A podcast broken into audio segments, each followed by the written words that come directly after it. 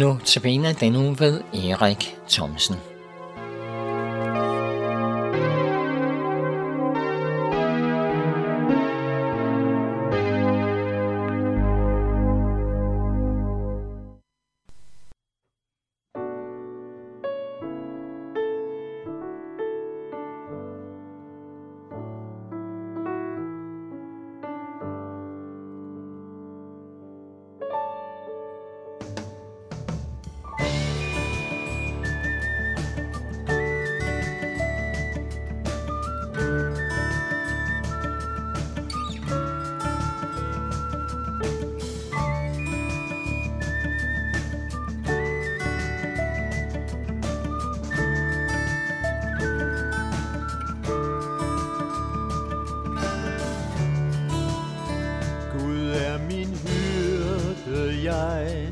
Er tryg.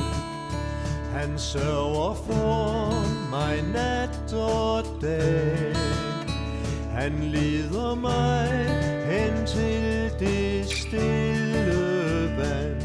Han giver mig kraft på ny. Jeg sætter alt mit håb til dig. Jeg sætter alt mit håb til dig. For din nåde vil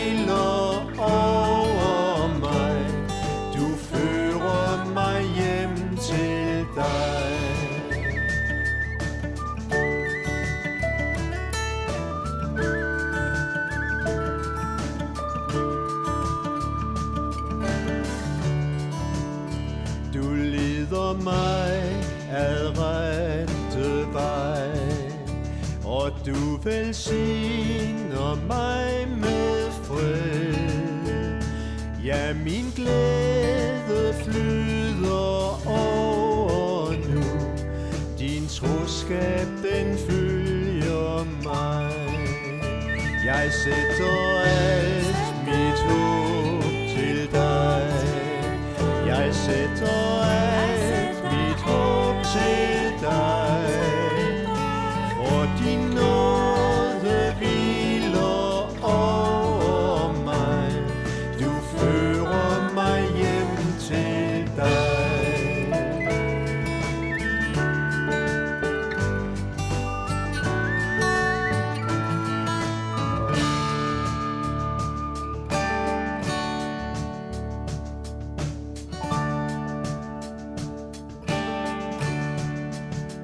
Selv når jeg går i mørkets dal, frygter jeg ikke noget ondt, for du er hos mig med din kærlighed.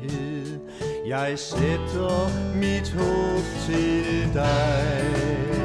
Jeg sætter alt mit håb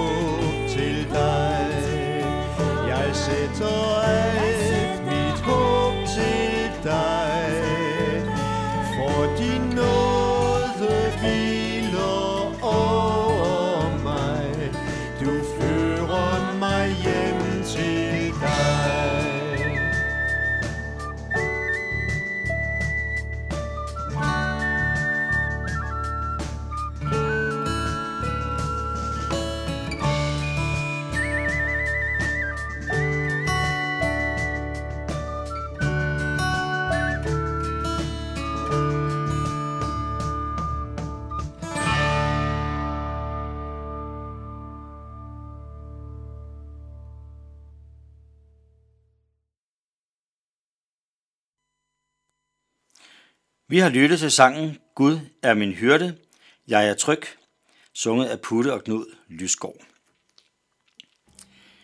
I går var vi lidt sammen omkring det med israelitterne og Gud. Ægypternes konge, styre, herre, det var jo farao. Han troede, han var Gud. Men ved du hvad, Gud? Han er Gud, og han lever. Farao, han er død, og han ligger i en grav. Gud er Gud, og Gud lever. Han levede, og han lever. I dag, der skal vi øh, høre lidt mere sådan om det med Moses i kurven i Nilen. Moses betyder jo faktisk trukket op af vandet. Historien bag er jo, at Farao havde bestemt, at alle drengebørn skulle slås ihjel. Og hvorfor? Jo, for han frygtede, at israelitterne på et tidspunkt skulle blive så talrige og udgøre en reel trussel mod Ægypten. Så Moses, da han bliver født som denne lille dreng, ja, så får hans forældre jo sådan set det for Gud, at de skal lægge ham i en kur i Nilen. Det er jo faktisk en ret fantastisk beretning om tro. At selvom man har fået en sådan fantastisk dreng, en lille dreng, så er man alligevel derhen, hvor man, hvor man klynger sig til, at, at han kan klare det, og man lægger ham i en kurv i Nilen med alle de farer, som man udmærket godt ved er omkring. Men man tror på, at Gud vil passe på ham. Fantastisk beretning, fuld af, af alt fra frygt, men også til tro og halleluja. Moses blev sat i en kurv. Det synes som om, at han der var alene og forladt og overladt til Nilens dyr, til naturkræfterne og tilfældigheder. Men nej, Moses var fuldstændig i Guds hånd. Sikken en tillid, som forældrene også viste der. Og han var det, selvom det så ud som om han sejlede rundt i sin egen lille verden. Guds hånd slap ikke Moses, men ledte kurven Moses gennem og så videre hen til det sted, hvor han skulle være. Og der blev han så fundet af prinsessens tjener. Moses i kurven, ja. Men også Moses søster Miriam stod og holdt øje med den kurv, hvor den landede. Og hun så, da prinsessens tjener finder kurven og dermed hendes lillebror. Og der træder hun til og kommer med dette, at hun kender en, der rent faktisk kan arme den lille dreng. Og det er jo fantastisk, for det kunne prinsessen jo ikke. Og på den måde, så kommer Moses jo tilbage til hans mor, hvor han så får lov til at være et godt stykke tid, indtil han er vendet fra. Hjemme hos os, der har vi et hjemmelavet begreb, der hedder gudsfældigt. Og øh, det er fordi min kone og jeg tror dybest set ikke på tilfældigheder. Vi tror på, at Gud er med i alle forhold og styrer.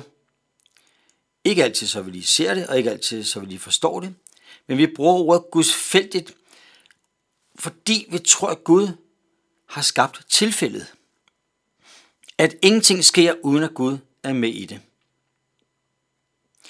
Guds plan var, at Moses skulle tilbage til hans mor Jokabet.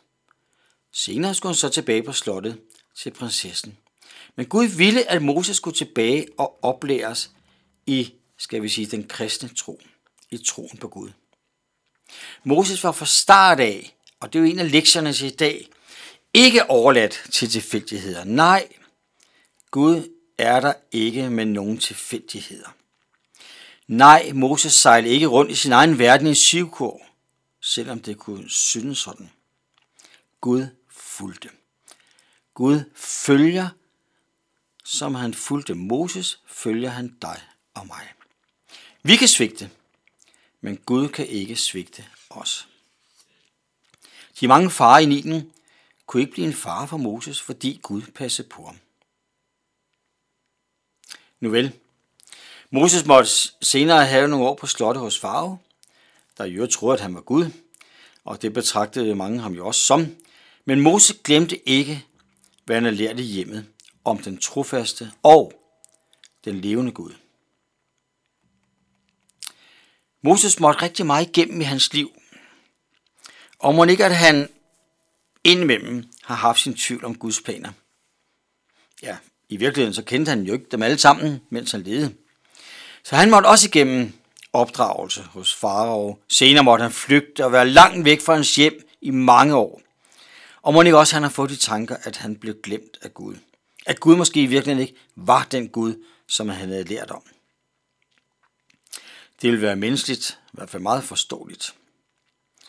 Men en dag, da Gud så, at nu det nu, der kaldte han Moses tilbage til Ægypten. Nu kom tiden, hvor Moses skulle stå som leder og føre Guds plan med israelitterne ud i livet.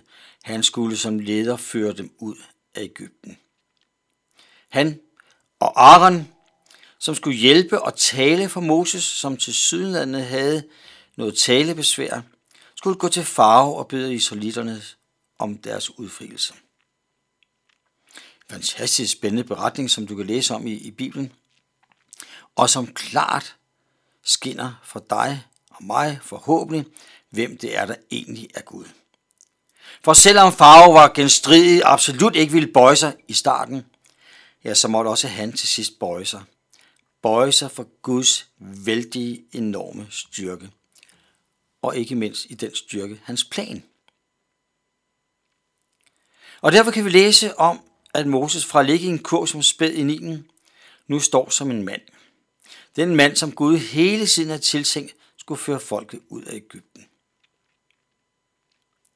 Der er så mange lektier i denne lille beretning, og jeg lærer i hvert fald, og det er stort for mig, at Guds plan er den bedste. Den beder jeg om glæde og frimodighed til at følge hver dag. Ikke sådan at forstå, jeg sådan den ud. Ofte har jeg dage eller tider, hvor jeg ovenkøbet synes, det er mærkeligt. Men en god lektie fra Moses beretning er at lytte til Gud. Jeg lærer også gennem det at lytte til Gud, at Gud har al magt. Stærkere end nogen styrke, som mennesker kan opstille. Magt over naturen, magt over liv og død, magt til at vende menneskers hjerter. Gud er en nærværende Gud. Det er den Gud, jeg tror på. Den samme Gud, som var med Moses, ham har jeg med glæde min styrke i. Uanset hvor jeg er, og hvilken situation jeg befinder mig i, så får jeg lov til at opleve, at Gud er mig nær. Og det er fantastisk. Nu skal vi lytte til sangen Gud, vi er i gode hænder. Man skulle næsten tro, den var skrevet om dengang. Og det er sangerne fra Lyngekirke, der synger.